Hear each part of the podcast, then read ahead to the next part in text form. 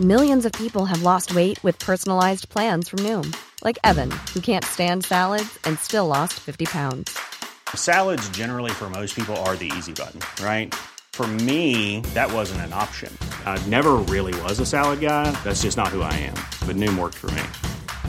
Get your personalized plan today at Noom.com. Real Noom user compensated to provide their story. In four weeks, the typical Noom user can expect to lose one to two pounds per week. Individual results may vary.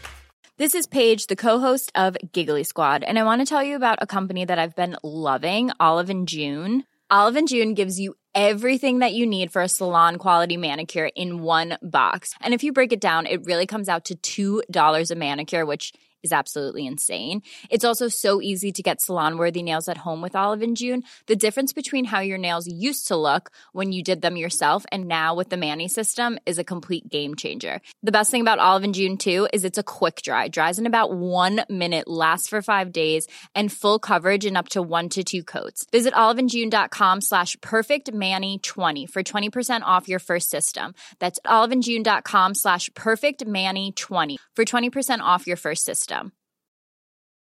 When you're ready to pop the question, the last thing you want to do is second guess the ring. At Bluenile.com, you can design a one of a kind ring with the ease and convenience of shopping online. Choose your diamond and setting. When you find the one, you'll get it delivered right to your door. Go to Bluenile.com and use promo code LISTEN to get $50 off your purchase of $500 or more. That's code LISTEN at Bluenile.com for $50 off your purchase. Bluenile.com code LISTEN.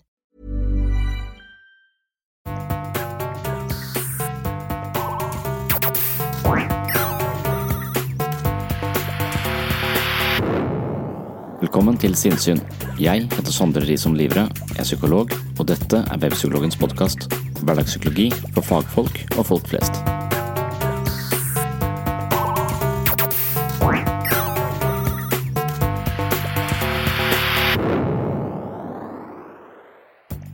Jeg skal nok en gang venne meg til spørsmålet om lykke.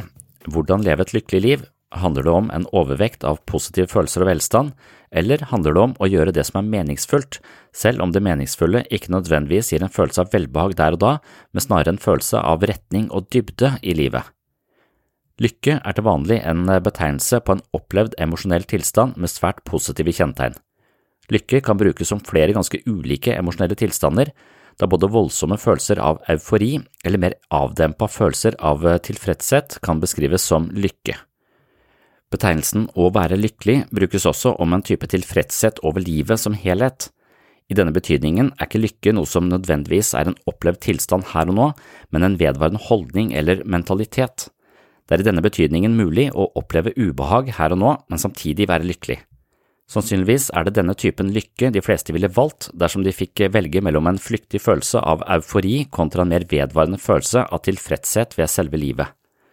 Kanskje er det nettopp en blanding av innsmett av eufori, velbehag og vellyst, i kompaniskap med et initiativ til å gjøre det som kanskje er vanskelig, men autentisk og meningsfullt, som til sammen skaper en balanse mellom mening og lykke, som er det vi dypest sett ønsker oss når vi snakker om det gode liv. Spørsmålet om lykke har vært en sentral del av filosofien i tusenvis av år, og det er vel ingen som kan sette det endelige punktum for denne diskusjonen. Kanskje er det i seg selv viktig å diskutere, da det nettopp er denne typen diskusjoner som kan vende våre verdier, levesett, relasjoner og holdninger på en måte som skaper vekst og utvikling. Derfor har jeg bestemt meg for å pensle innom lykke både titt og ofte her på podkasten, noe som vil generere en del gjentagelser, men jeg mistenker at denne typen gjentagelser er en del av praksisen. Hvis man kunne si alt som er viktig om å leve et godt liv på en time, en dag eller en uke, kan det tenkes at man forstår konseptet, men likevel ikke klarer å omsette teorien til praksis. Praksis er viktig, og jeg tror at filosofi og psykologi er en praksis som krever at vi aldri tror at vi er ferdig tenkt rundt noe som helst. Vi må reflektere på nytt og på nytt, akkurat som vi må trene flere ganger i uka for å holde en viss fysisk form ved like. Dessuten er det så mye å si om lykke, så mye å lure på, så mye å misforstå og plutselig forstå, men så glemme igjen like etterpå at lykke vil stå på den filosofiske menyen i all overskuelig fremtid.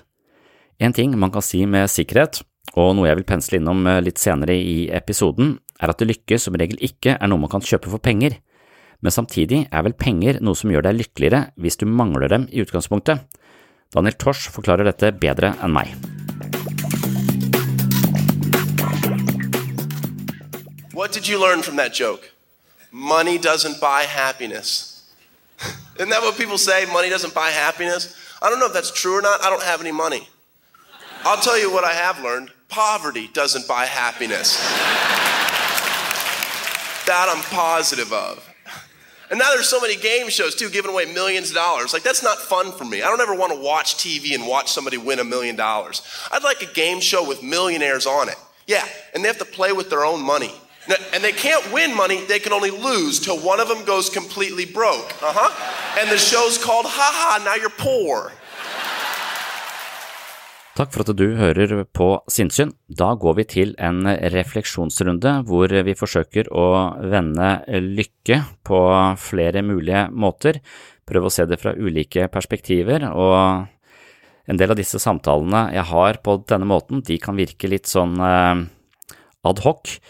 Det handler om grupper hvor vi reflekterer over en type tematikk, mens eh, det er min stemme som blir tatt opp, og derfor så vil eh, en del av innspillene komme litt sånn eh, ja, stykkevis og delt, men jeg tror likevel at det, man skal kunne klare å forstå sammenhengen nok til å få, få noe ut av det som her blir sagt om lykke. Velkommen til en ny episode av Sinnsyn, og velkommen til en ny jakt på det gode liv.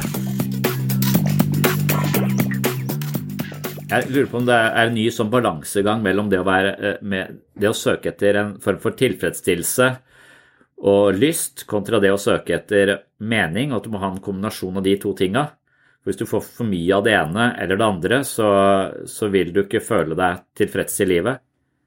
Så man kan si at jeg, ja, jeg elsker å se på favoritt-TV-serien min på, på, Netflix.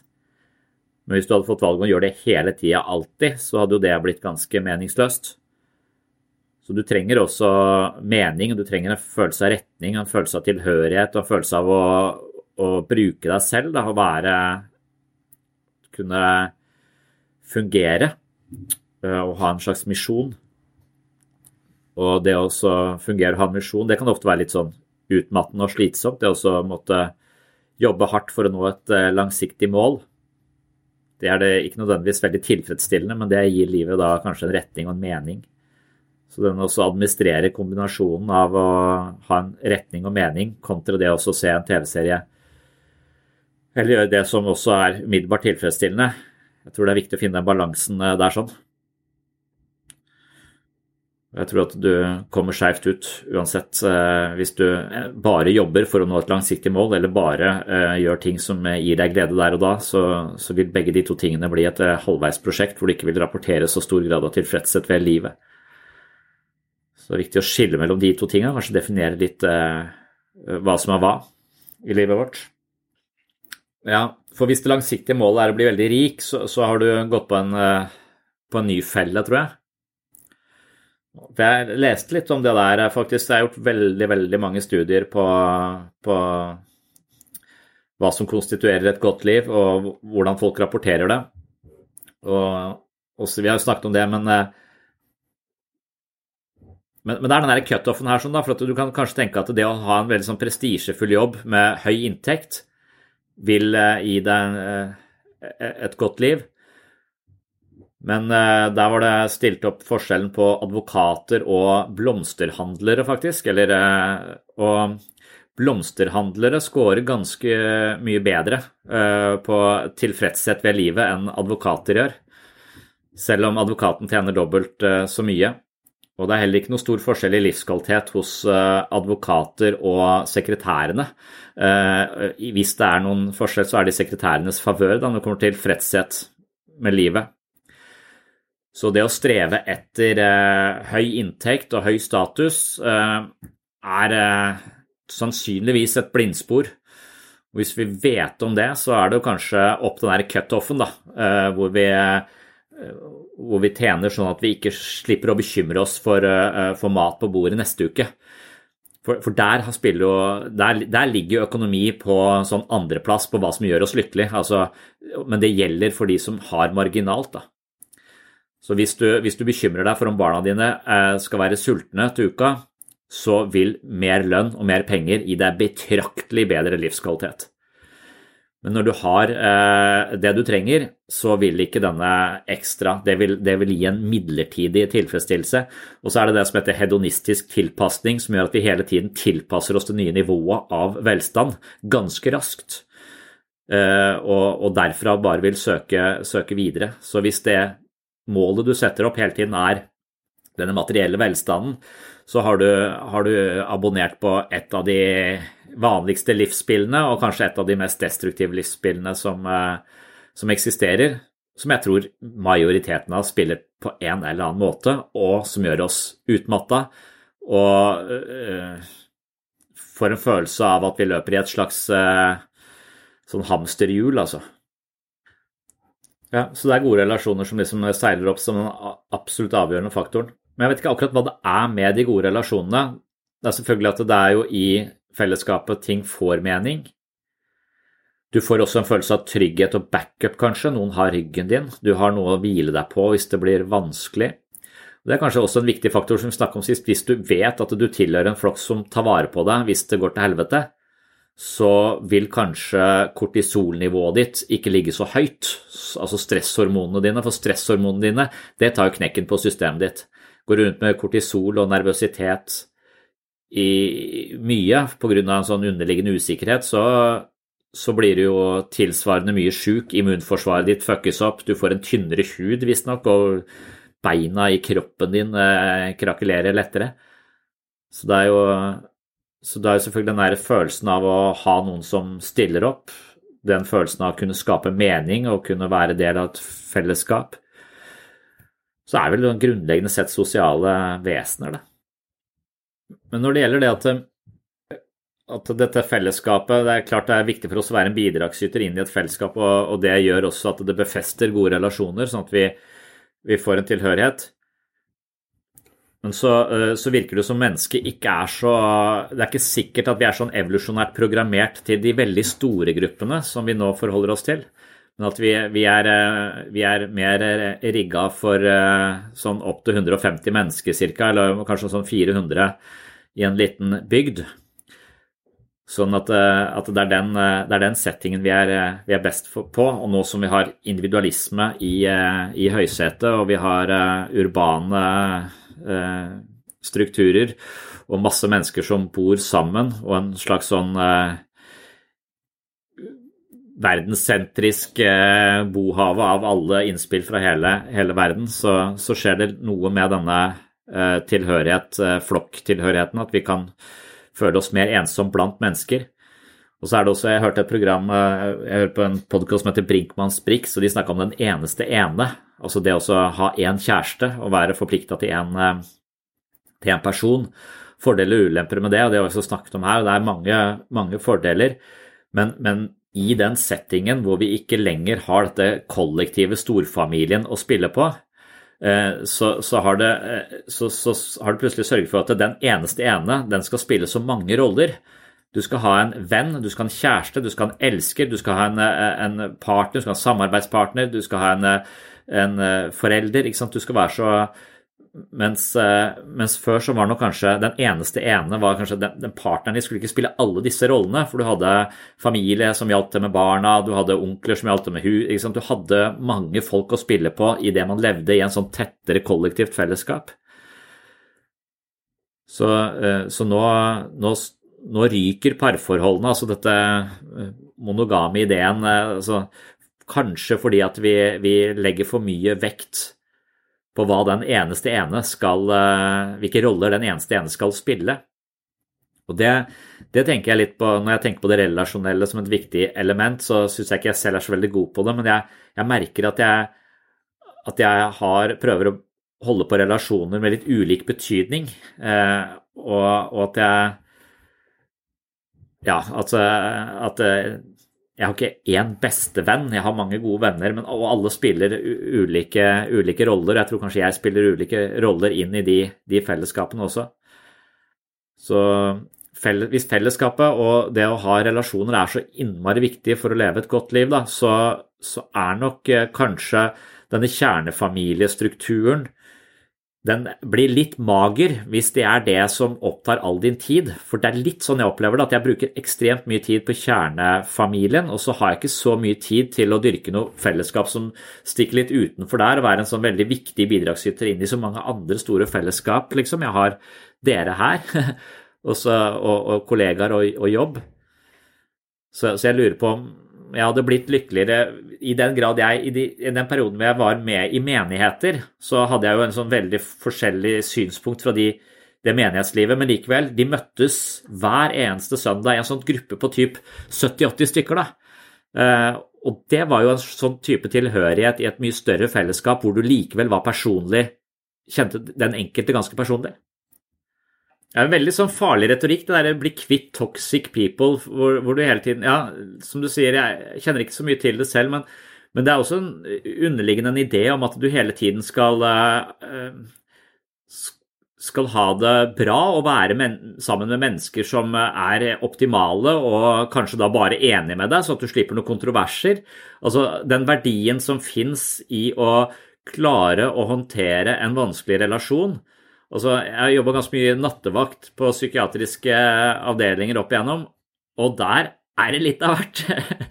Eh, og der går en kule varmt, kan man si. Men, men det å da virkelig komme gjennom og, og, klare å leve med et annet menneske som jobber nattevakt fordi hun helst ikke vil møte andre folk, fordi det, det, hun syns at andre folk er ræva. Så altså, det å klare å skape den kontakten med dette mennesket og se at hun egentlig har veldig mye ved seg, altså klare å komme forbi alle disse Det er en verdi. altså alle mennesker Jeg er litt vanskelig å ha med å gjøre. Hvis du klarer å lære meg å kjenne, så kan det jo eh, hende at den eh, innsatsen der eh, kan eh, Det er ikke umiddelbart veldig hyggelig nødvendigvis, men på lang sikt så kan jo det kanskje ha en verdi, det også. Så så at vi hele tiden skal eh, bare ha folk som eh, ikke er toxic, hva betyr det? Det betyr folk som eh, Ja, hva betyr det? Bare folk som smiler og ler av alle vitsene dine, så du slipper å lage noen nye vitser, eller hva?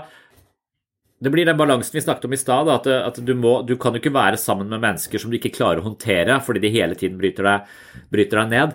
Men, eh, men, ikke, så, så, men, men, det å klare å ikke bli brutt ned, det vil kanskje være den, eh, det som skaper mening. Mens det å bare være sammen med folk som får deg til å føle deg bra og le og ha det gøy, det er mer det velbehagselementet. Altså at begge disse tingene bør også være med i relasjoner. Men helt klart, ikke, ikke bli værende i relasjoner som, som, du ikke klarer å håndtere fordi at det ja, som ligger over terskelverdien for hva du liksom makter å, å stå i og, og lære noe av. Så ja, helt sikkert der det har startet, dette toxic people-ideen.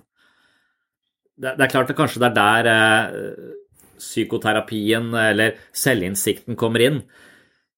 At man må At man i veldig stor grad også blir fanget av Altså vi er styrt og, og, og farget av utrolig mange krefter vi overhodet ikke er klar over.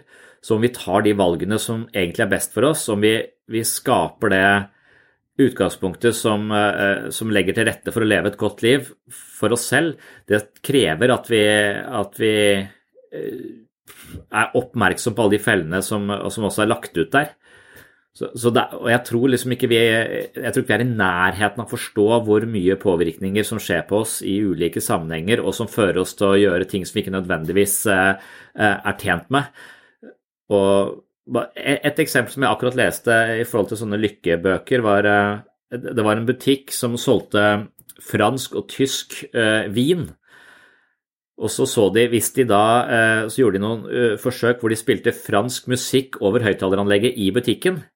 Og da, da, var det 80% av salget gikk da til den franske vinen, mens, mens det normalt sett var ca. 50-50, så ville dette eh, fransk musikk på høyttaleren i bakgrunnen. Det ville da anspore folk til å kjøpe den franske, eh, franske vinen. Men det var kun 14% av de som ble spurt i etterkant, hadde lagt merke til at det var eh, fransk musikk over høyttaleranlegget. Så, så, det er jo tusenvis av sånne ting som, eh, som eh, trigger oss og, og, og, og drar oss i ulike retninger. Og da spesielt dette med, med, med sosiale medier og sånn også, som gjør at vi, vi, vi, blir hacka. Og hvis ikke vi hacker oss sjøl, så blir vi hacka noen andre. Det kan du være ganske, ganske, sikker på. Så det å gå litt aktivt inn for å hacke seg selv og legge til rette uh, for en type livsførsel som borger for et godt liv. Og da kan man bare se til eh, hva har folk som lever et godt liv, gjort? Eh, hva, man kan jo godt lese forskning, man kan gå helt sånn teknisk eh, til verks. Jeg tenker det er litt det som eh, det, dette eventyret om de, de tre grisene eh, skal illustrere, da, at du må bygge kloss for kloss, og jo mer solid eh, du klarer å legge til rette livet ditt, jo flere gode rutiner du har som du slipper å, å revurdere med deg selv eller, eller, argumentere med deg selv for å gjøre eller ikke gjøre, jo, jo sånne, eh, jo sterkere skjelettet i livet ditt er, eh, med gode rutiner for ting som gjør deg bra på lang sikt, jo, jo bedre vil du, vil du ha det. Så, så, det å ha det bra i livet, det tror jeg legger kloss for kloss. Og hver gang du har lagt én ny kloss, så er du Så har du lagt en ny kloss, da. Om det da er å stå opp til samme tid, eller om det er å forplikte seg til trening eh, to ganger i uka, eller om det er å gå en tur eh, hver dag, eller eh, Altså det, det, er nok helt, helt avgjørende.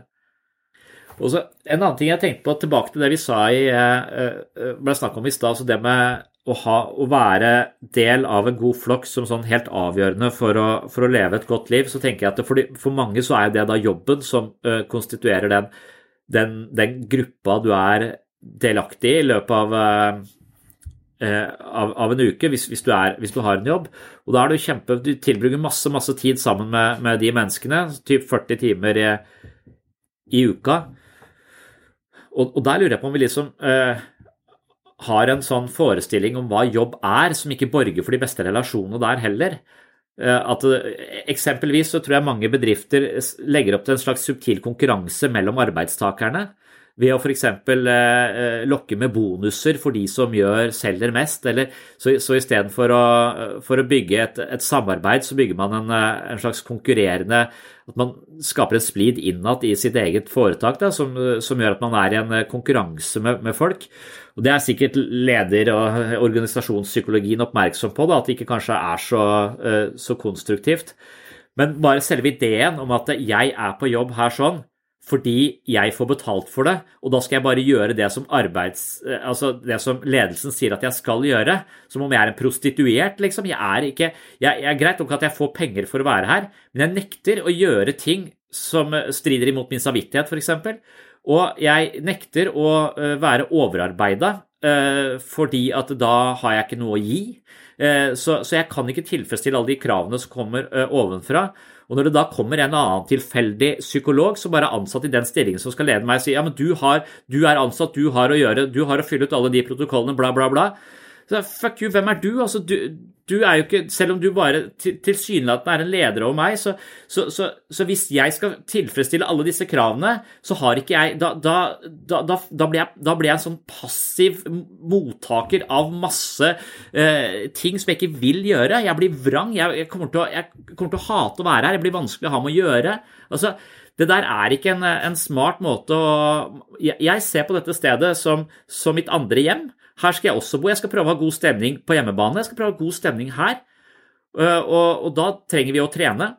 Eh, så, eh, så, så, bare sånne ting som at vi opprettholder trening selv om det ikke er noen pasienter i treningsrommet. Men da, da, må vi snike oss litt ut. Men vi trenger å ha en god tone oss imellom. Vi trenger et godt miljø her. for Hvis ikke så er ikke dette et godt sted å, å være for alle. For det er, det er, mange som er her. Det er liksom, mange kommer og går. Men det å være her må jo liksom ja, det, jeg, jeg, tror mange tenker at jeg må bare forholde meg til alle, alt det som blir sagt at jeg skal gjøre fordi jeg får betalt for å være her. Og det, men hvis du ser i andre kulturer, så det kan jo umulig være mest kostnadseffektivt å ha fire eh, bussjåfører som er med på alle turene. Det gjør vi jo ikke eh, i, i Norge. Hvis jeg, at ja, jeg jobber på buss, så jeg er med på alle turene. Altså, ja, men Det er bare én som kan kjøre. Ja, ja, men vi holder han med selskap. Vi snakker sammen. Altså, vi, vi, lever livet vårt også på dagen. Altså, jeg har alltid vært forbløffa når jeg har tatt buss i ja, typ uh, Italia for eksempel, eller uh, kanskje Hellas. Altså det, de har, hvorfor er det flere bussjåfører inne i bussen samtidig? Uh, skal de hjem? Skal de Nei, de er der, for det er sånn de lever livet sitt. De, de, har pauser sammen, de treffes sammen. Det er en del av livet. Det er ikke noe de de, liksom, de, de, gjør ikke bare en jobb fordi de får penger, og så er det endelig ferdig med det, for så å gå og leve livet sitt. De lever livet sitt hele tiden. Og Det tror jeg er viktig å tenke på når vi skal være et sted. At vi skal leve livet vårt hele tiden, og det utelukker ikke å gjøre en god jobb. Vi gjør sannsynligvis en bedre jobb hvis det er en del av livet vårt som vi er opptatt av å gjøre meningsfullt. Ja, så er systemene eh, tiltagende redd for å gjøre feil, og at de nettopp ikke ser verdien i feil. Så feil er verdifullt. Og det å bruke hele livet sitt på å unngå å gjøre feil, det er ikke nødvendigvis den beste strategien, selv om det vil være holdningen f.eks. i sykehuset. Det er så utrolig mange nye prosedyrer som legges ut fordi at det er en eller annen gjøk som har begått en liten feil, og så skal alle sørge for at den ved å korrigere og legge til nye strategier for å unngå at noen andre gjør den feilen. Selv om den feilen nesten aldri blir gjort, så skal vi bruke masse tid på å gjøre et eller annet meningsløst for at den feilen ikke skal oppstå på nytt. Istedenfor at vi Jeg tror det er bedre at vi gjør feil og lærer oss å håndtere de feilene på best mulig måte. Istedenfor at vi skal bruke all vår tid på å unngå å gjøre de, de feilene. Og da blir det så mekanisk, det blir så forebyggende. Du, du går inn med en slags nervøs holdning istedenfor en nysgjerrig holdning. En utfordrende, være kreativt interessert i det du holder på med. Så er du hele tiden Kan jeg si det, kan jeg ikke si det? Jeg må si det, jeg må følge den, den prosedyren. Altså, terapi skal være evidensbasert. Sa jeg nå det riktige i forhold til å forholde meg til den uh, CBT-modellen som jeg visstnok driver som, som terapeut, istedenfor å eh, ja, være mer kreativ, kreativt, spontant og interessert til stede, så, så blir man en som, eh, som, tilfredsstiller systemer. Da kan jeg jo bare bytte ut meg med en robot, da, som sier alt det riktige hele tiden. Det skulle vært jævlig irriterende å høre på. Ja, for selvmord er en sånn, uh, sånn, ting. altså Der er det med en gang uh, så er det masse prosedyrer man skal følge og stille de riktige spørsmålene. Så jeg har stilt alle de riktige spørsmålene og konkludert, og, og loggført det, så, man, uh, så, har man liksom ryggen fri, da. Og det, det, er mulig å hacke det systemet. Det er mulig å skrive en såpass rund suicidalvurdering som gjelder for alle. Som du bare kan lime inn, og så når du har gjort det, så tar det ti sekunder. Og så kan du snakke med den personen som faktisk tenker på døden, og se om du tør det. og, og og, prøve, prøve å, å, møte døden sammen med et annet, uh, annet, menneske, som jeg tror er uh, langt mer uh, selvmordsforebyggende enn å bli en robot som gulper opp standardiserte spørsmål for å dekke sin egen rygg. Så da, da, må man gå og legge seg og tenke har jeg god samvittighet i forhold til mine egne krav og moralske retningslinjer? Kontra har jeg fulgt alle de systemets eh, krav og retningslinjer. Noen ganger så er de motstridende. Noen ganger så vil jeg, hvis jeg følger bare systemets retningslinjer, så vil jeg være utro mot meg selv. Og hvis jeg bare følger meg selv og aldri systemet, så vil jeg være utro mot systemet. Eh, så, så ja, det er den cutoffen der, sånn. Eh, den balansen mellom å tilfredsstille og gjøre det som systemet For systemet har ikke funnet på ting helt ut av det blå. Det er jo litt sånn at det, det er noe av det som, som også er verdt å, verdt å ta med seg man, hvis man tenker på det å ha, leve et mest mulig tilfredsstillende liv, så bør man kanskje ha et innenfra-perspektiv og et utenfra-perspektiv. Det, det, utenfra er disse, dette skjelettet jeg snakker om, det å ha gode rutiner. Det å ikke gjøre alt om til eh, et sånn valg hvor du må drive og drøfte med deg sjøl om du skal gidde eller ikke gidde for hver gang du skal, skal gjøre det.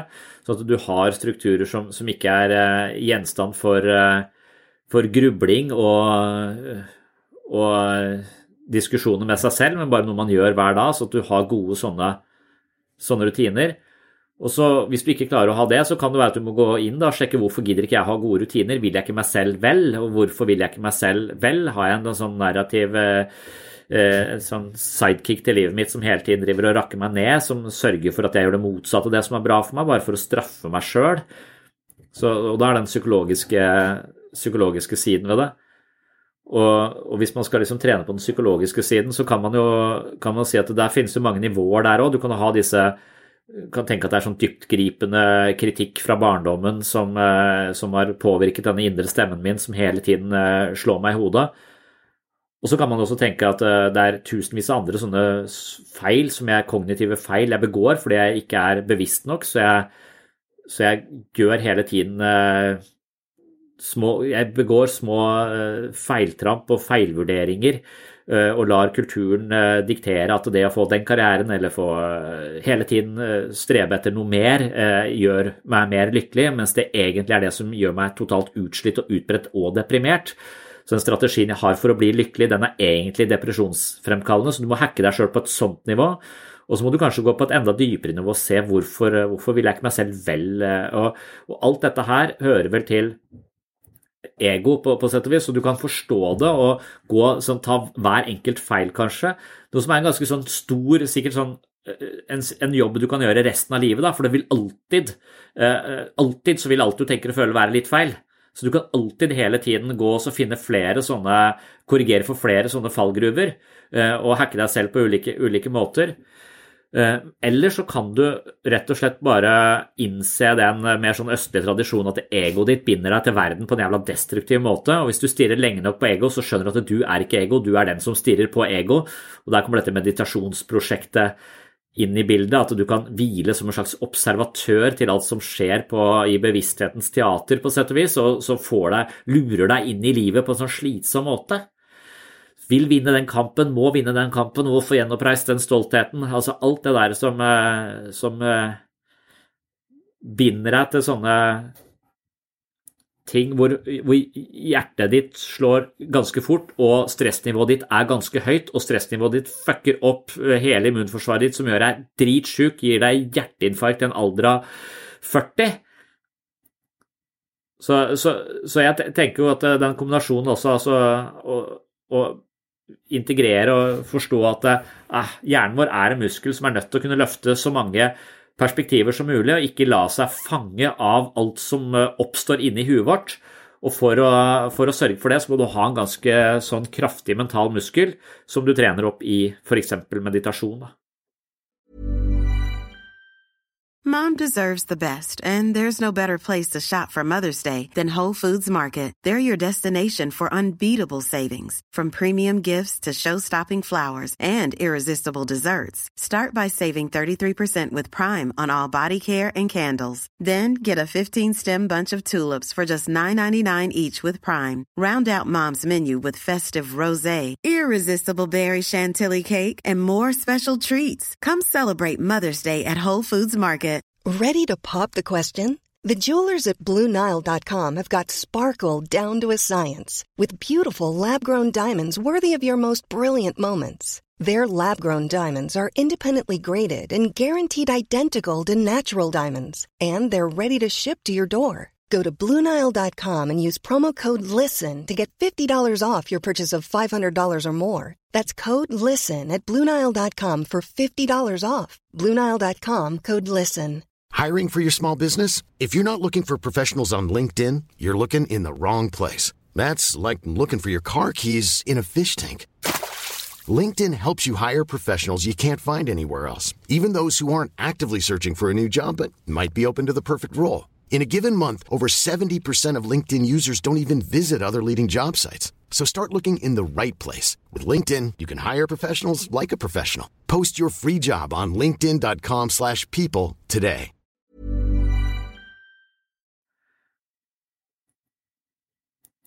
Så jeg vet ikke om den Når du, når du liksom uh, beveger deg inn i disse meditasjonsideene og hører på Eckhart Tolle eller alle disse guruene, så får du innsikten på sett og vis, og du kan forstå at uh, du lever livet ditt på en sånn uh, at du, du blir lurt i, inn i så mange livsfeller at skulle tro du var tilbakestående. og så kan du liksom forstå at det, du må bare ikke tro på alt du tenker og føler. Men så hjelper det oss liksom ikke, for at vi hele tiden er liksom fanga av perspektivet vårt. Vi klarer liksom ikke å unnslippe. Hver gang vi forstår noe, så er vi står et sted. Hver gang vi forstår noe. Og vi klarer ikke nødvendigvis å, å, å flytte oss fra, fra, den flekken.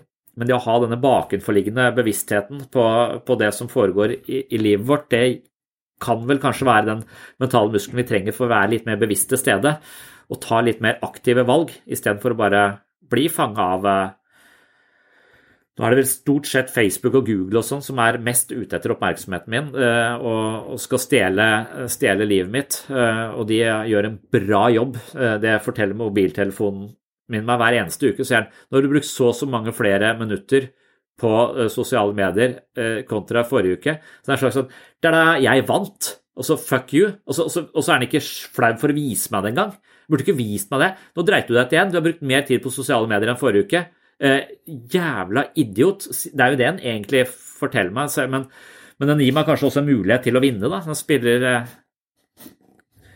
og Nei, Jeg vet ikke hvordan resten, resten, av psykiatrien er vel ganske sånn medisinfokusert, eh, kanskje. Og en del er vel også evidensbasert, men i det evidensbaserte så kommer jo stadig vekk nye sånne østlig inspirerte strategier inn, så man får en slags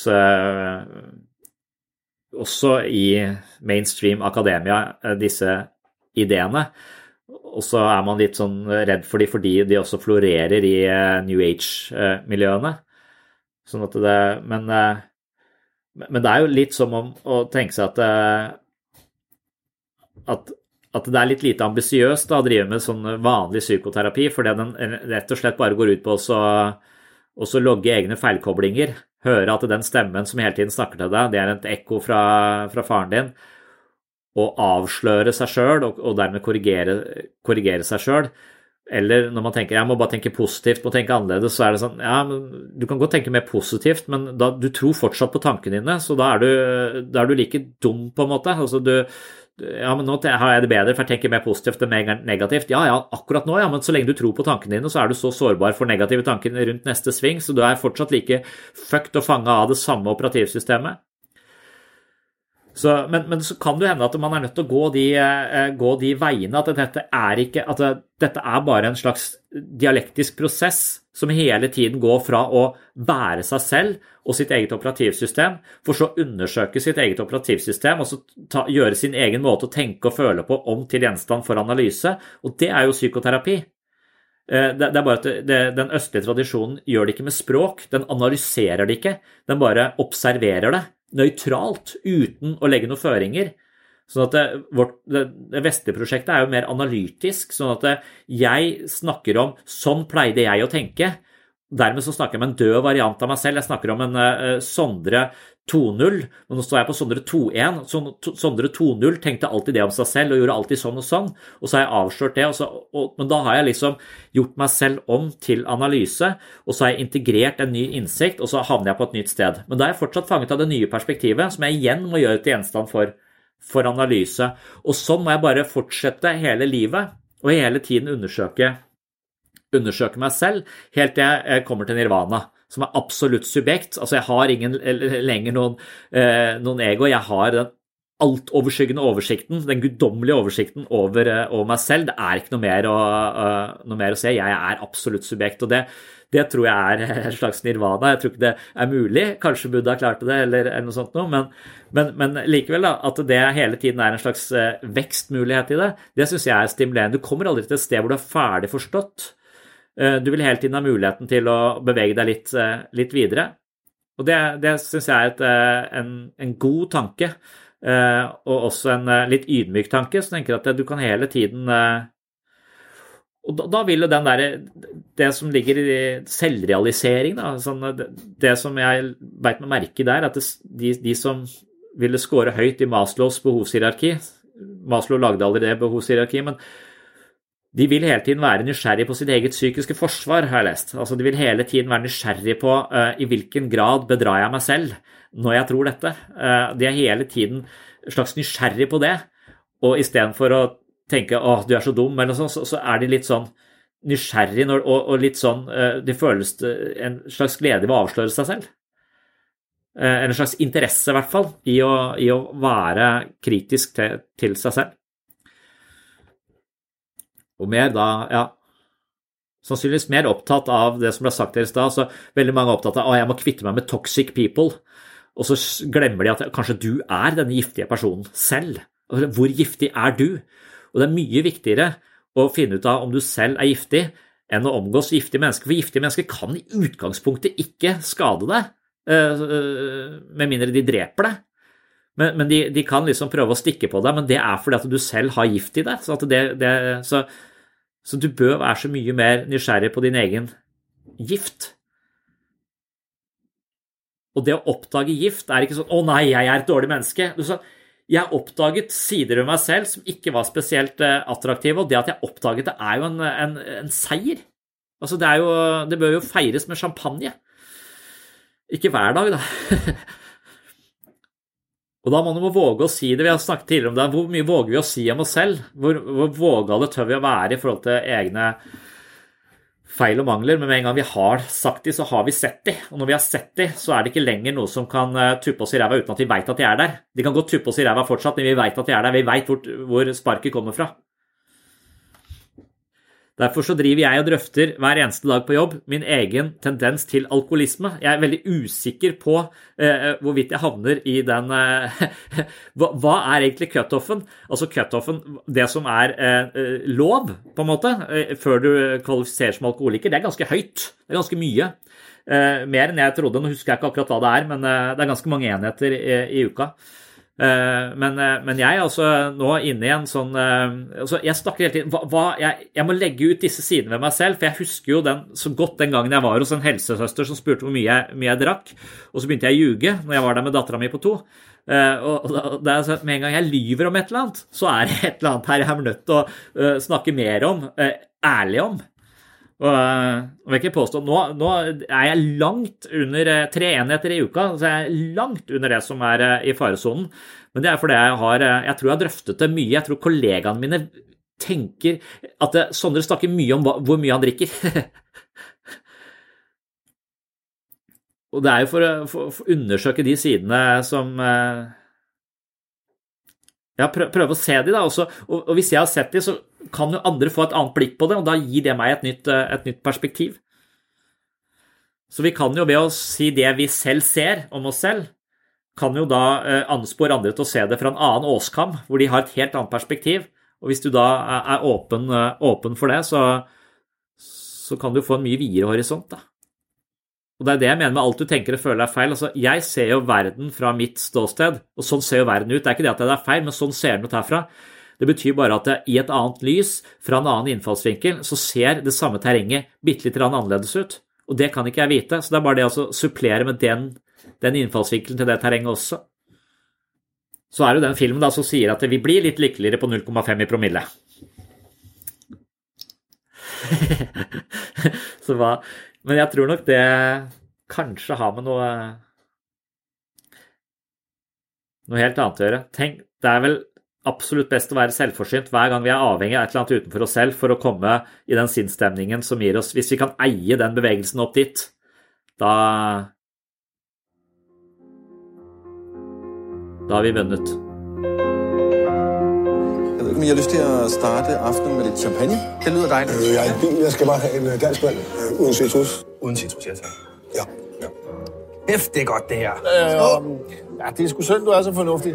Men spørgsmålet er, hvad der i virkeligheden er fornuftigt. Der findes en, en norsk filosof. Han øh, mener, at mennesket er født med en halv promille for lidt. Altså, jeg må sige, jeg kunne da godt sådan bruge en halv promille sådan på daglig basis for at få lidt mere selvtillid. Det har vi da alle sammen brug for. Det har du da også brug for.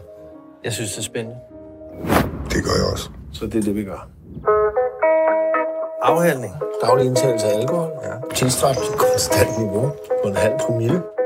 Med henblik på indsamling af evidens. Ja psykologiske og psykoretoriske følgevirkninger samt undersøgelse af forøget social og faglig udvikling. Så det er kun i arbejdstiden, vi drikker, ikke? Men det er jo ligesom Hemingway. Vi drikker ikke efter 8, og ikke i weekenden. Er I klar? Rejser! Ja, det, det er en interessant ting du sier der. Jeg husker jeg var litt sånn uh, leste i den halvalternative delen av uh, litteraturen, sånn at jeg uh, Et prosjekt som het Big Mind. Og det var noen sånne meditasjonsfolk og noen sånne halvfilosofiske mennesker som, som, drev med dette prosjektet Big Mind, og da snakker de liksom til deler av deg selv. Så, så, du går i dialog med den delen av deg selv som f.eks spiser eh, for mye eller spiser eh, uregelmessig. Så at, så at du, du, du, fremmedgjør på et sett og vis eh, disse tendensene i deg selv. Vi har snakket om det flere ganger at vi er, vi er mange. Eller vi, vi, er et konglomerat av ulike dialekter og stemmer som snakker til oss om oss selv og, og vårt eget livsprosjekt. Og det å høre på alle de stemmene uten å dømme de stemmene eller kjefte på de stemmene, det er en del av og det også, ja, for, med en gang du ikke, ikke tenker at jeg er et offer for eh, det å ha en spiseforstyrrelse, mens det er deler av deg selv som eh, velger å, å, å, spise på en eller annen måte uregelmessig. Men du, det er ikke hele deg som gjør det, så den delen av deg som ikke gjør det, går i dag i dialog med den delen som eh, og så høre, Hva er det dere er ute etter? Hva er, det, hva er grunnen til at dere holder på med dette? Hva, hva, hva tenker dere rundt det? Eh, hvor har dere det fra? Så at man kan skape denne spaltingen, for da er man ikke lenger fanget av seg selv, man er i en undersøkende posisjon til seg selv. Da. Og da kan man jo finne en eller annen form for forsoning. Det er det, det motsatte av eh, Kongressen i USA, hvor det er total splittelse. Altså, eh, det er det de driver med der, å klare å snakke sammen og forstå hverandre for å finne felles løsninger, det må være det samme som vi gjør eller ikke gjør med oss selv. Og det du sier nå, høres ut som en slags forsoning, en slags dialog med deler av deg selv som har tatt noen valg som summa summarum ikke tjener hele systemet ditt på lang sikt. Og da har du liksom funnet fram til den, den, delen av deg selv som faktisk kan ja, ha et annet perspektiv. Da hjelper det kanskje å jobbe på begge sider av, av saken. Altså det, går an å tilrettelegge miljøet på en måte som eh, bremser eh, den, eh, den, typen atferd, kan man si. da. Og så går det også an å hele tiden være bevisst og prøve å bli kjent med den siden av deg selv som driver, driver det, eh, det, prosjektet der. sånn. Så at man må, kan, eh, kan, angripe det for at ethvert problem har en utside og en innside. Det er en innside av et problem, og det er en utside av et problem. Utsiden er det som skjer i den ytre verden, og innsiden er eh, det som genererer det, det problemet, den mentaliteten som ligger bak. Eh, det er et kurs på Harvard av en dame som jeg ikke nå husker hva heter. Hun er liksom tatt inn for at det kurset er det mest altså det, det, har sprengt alle rekorder av sånne kurs som, eh, som eh, folk har deltatt på. Da. Altså, du, du, driver jo og velger ulike kurs på universitetet på Harvard, og så, og så, er dette kurset det handler om hvordan leve et lykkelig liv. Altså hva, hva konstituerer et lykkelig liv? Og de har bare sprengt alle tidligere rekorder, og det er sånne utrolig masse kjente Zimbardo med ondskap. Ikke sant? Sånne, sånne eh, hotshotter som har hatt kurs som bare virkelig har blitt ekstremt godt besøkt, men dette her har slått alle rekorder. Fordi ja, jeg har ikke, jeg ikke sjekka det ut selv, men jeg bare registrerer Jeg skjønner behovet for det at den der ekstreme konkurransementaliteten som, eh, som man blir utsatt for i et, i et, samfunn hvor jobbene stadig forsvinner, og kampen om de jobbene som er igjen, og den strukturen de jobbene gir, altså det, den, den er, den er, Så det er ganske høye krav man møter som, eh, som et ungt menneske på et universitet. Og det å da få virkelig Altså ikke forstå balansen da, og da går vel balansen i feil retning med det vi innleda å snakke om. da, altså Det å gjøre det riktige for å nå et langsiktig mål, det gir en mening i livet. Hvis du gjør det hele tiden, så, så, så, så klarer du ikke å nyte livet. Så det der kommer det der mer hedonistiske perspektivet inn. da. Så det å forstå at her skal jeg gjøre en innsats, men jeg skal også drikke en del øl og spille ganske mye biljard og henge med venner. Hvis ikke du får med deg det, så, går du glipp av de beste åra i livet ditt på Eller jeg vet ikke om det er de beste åra i livet ditt. Det er i hvert fall det mest ansvars... Altså, enten skal du velge å bare ta så mye ansvar og sitte inne og, og, og, få de beste karakterene og få den beste jobben og den beste lønna, eller så kan du passe på å komme deg akkurat over cutoff, men, eh, men ha det bra underveis. Utrolig viktig balansegang hvor, hvor folk eh, prioriterer eh, ofte ganske feil, viser det da, sier om at dette kurset har så stor appell til så mange. Og det stemmer jo at vi er, vi, vi, Det er langt færre folk under fattigdomsgrensa. Eh, de fleste har langt høyere levestandard enn eh, bare på 50-tallet. Så de siste 70 åra har det skjedd ekstremt mye. Vi tjener mer, vi har mer, men, men likevel så er vi eh, er depresjon jevnt stigende. Så, så, vi lever ikke, vi er ikke mer lykkelige. Så, så det er jo helt åpenbart at det spillet der eh, ikke fører oss eh, dit vi dypest sett ønsker.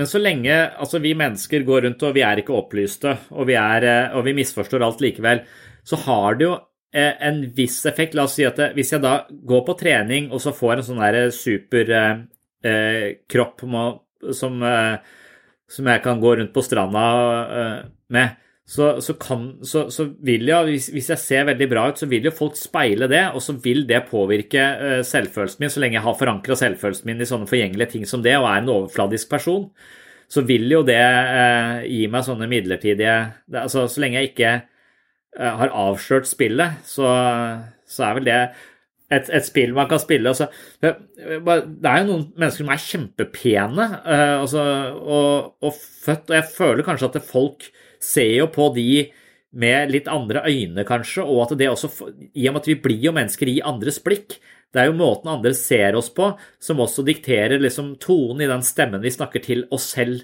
med.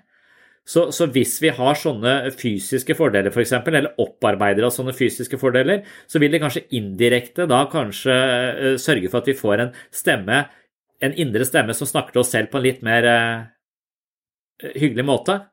Og kanskje hvis man i utgangspunktet har en veldig negativ stemme, så jobber man ekstra hardt på utsida for å få noen sånne korrigerende blikk på oss sjøl, eller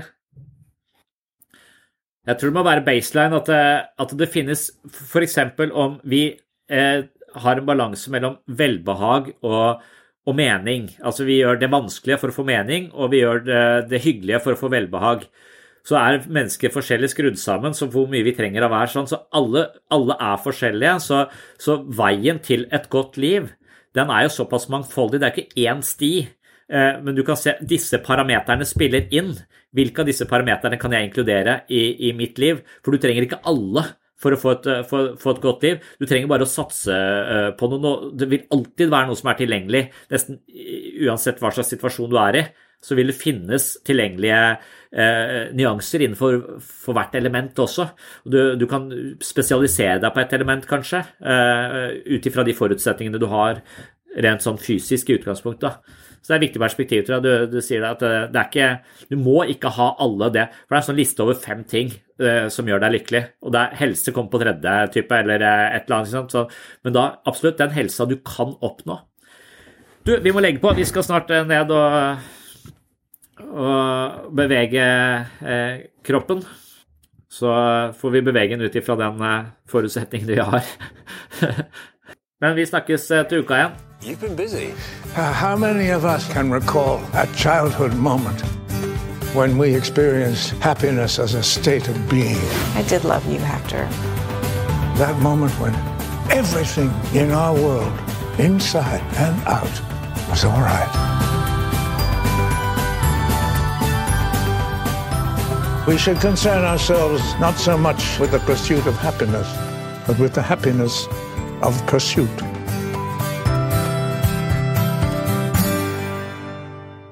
Takk for at du hørte på Sinnsyn. Takk for eh, alle som har rata podkasten i iTunes. Akkurat nå så trenger jeg litt flere stjerner, for nå har jeg falt ned på fire og en halv, og det liker jeg jo dårlig, i og med at eh, veldig mye av min selvfølelse er knytta til disse stjernene på iTunes. Så når jeg går fra fem til fire og en halv, så mangler jeg altså noen femmer-ratinger. Så hvis du kan hjelpe meg med det, så setter jeg stor pris eh, på det. Ehm, ellers eh, så beklager jeg at disse episodene blir litt sånn eh, flyktige, altså at det ene poenget spiser det andre, på en måte, uten at, du, uten at jeg får til noen sånne jevne overganger. Men jeg håper likevel at denne typen løse refleksjoner kan, kan ha noe ved seg. Og for meg så er det litt denne måten jeg kommer til å lage episoder på fremover, at jeg har noen å snakke med som ikke blir tatt opp på, uh, på lyd, fordi det, det, tillater ikke systemet mitt, men, uh, men at det, det, mine responser, det, det gjør at jeg kan tenke litt fritt uten å forberede meg så mye, så dette blir noe annet enn et foredrag hvor jeg har forberedt meg, dette blir mer fritenkende og, og mer sånn, sånn, sånn, som jeg umiddelbart vil tenke om en type tematikk, sånn som den eh, skrider frem da i en, i en samtale. Så det var det for eh, denne gang. Ny episode ganske snart. Ehm, her kommer den vanlige reklamedelen. Er du mer interessert i menneskets indre liv, relasjoner og selvutvikling, så håper jeg selvfølgelig at du klikker deg inn på min Patron-konto og blir supporter av Sinnsyn og Webpsykologen. På den måten støtter du dette prosjektet, og som takk for støtten får du en del ekstramateriale. Du får flere eksklusive episoder av Sinnsyn, mentale øvelser, videomateriell som ikke publiseres andre steder, og du kan høre meg lese og gjennomgå min første bok, Selvfølelsens psykologi, bedre selvfølelse ved å bruke hodet litt annerledes. Senere vil jeg også lese inn boken Jeg, meg selv og selvbildet, og kanskje psykologens journal på et senere tidspunkt. Ved hjelp av en rekke psykologiske teorier forsøker jeg å lage et slags treningsprogram hvor eh, man kan eh, gjøre øvelser som styrker både selvbildet, selvfølelsen og det jeg refererer til som mentale muskler.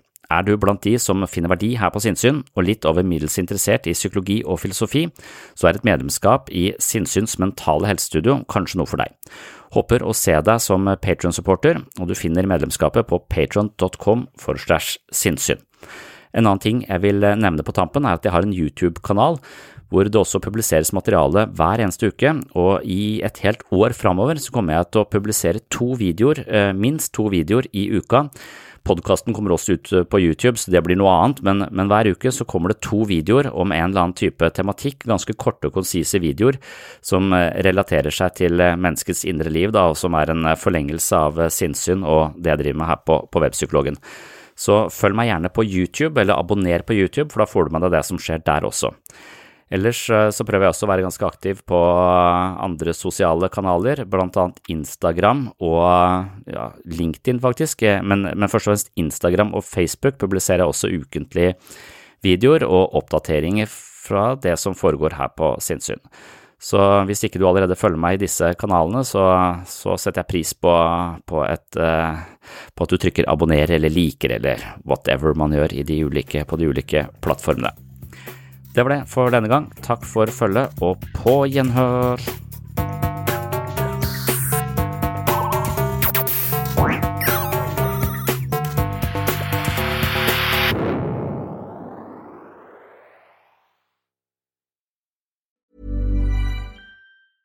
A lot can happen in three years, like a chatbot may be your new best friend. But what won't change? Needing health insurance. United Healthcare Tri Term Medical Plans, underwritten by Golden Rule Insurance Company, offer flexible, budget friendly coverage that lasts nearly three years in some states. Learn more at uh1.com. Hi, I'm Daniel, founder of Pretty Litter. Cats and cat owners deserve better than any old fashioned litter. That's why I teamed up with scientists and veterinarians to create Pretty Litter. Its innovative crystal formula has superior odor control and weighs up to 80% less than clay litter. Pretty Litter even monitors health by changing colors to help detect early signs of potential illness. It's the world's smartest kitty litter. Go to prettylitter.com and use code ACAST for 20% off your first order and a free cat toy. Terms and conditions apply. See site for details. Here's a cool fact a crocodile can't stick out its tongue. Another cool fact you can get short term health insurance for a month or just under a year in some states. United Healthcare short term insurance plans are designed for people who are between jobs, coming off their parents' plan, or turning a side hustle into a full time gig. Underwritten by Golden Rule Insurance Company, they offer flexible, budget friendly coverage with access to a nationwide network of doctors and hospitals. Get more cool facts about United Healthcare short term plans at uh1.com.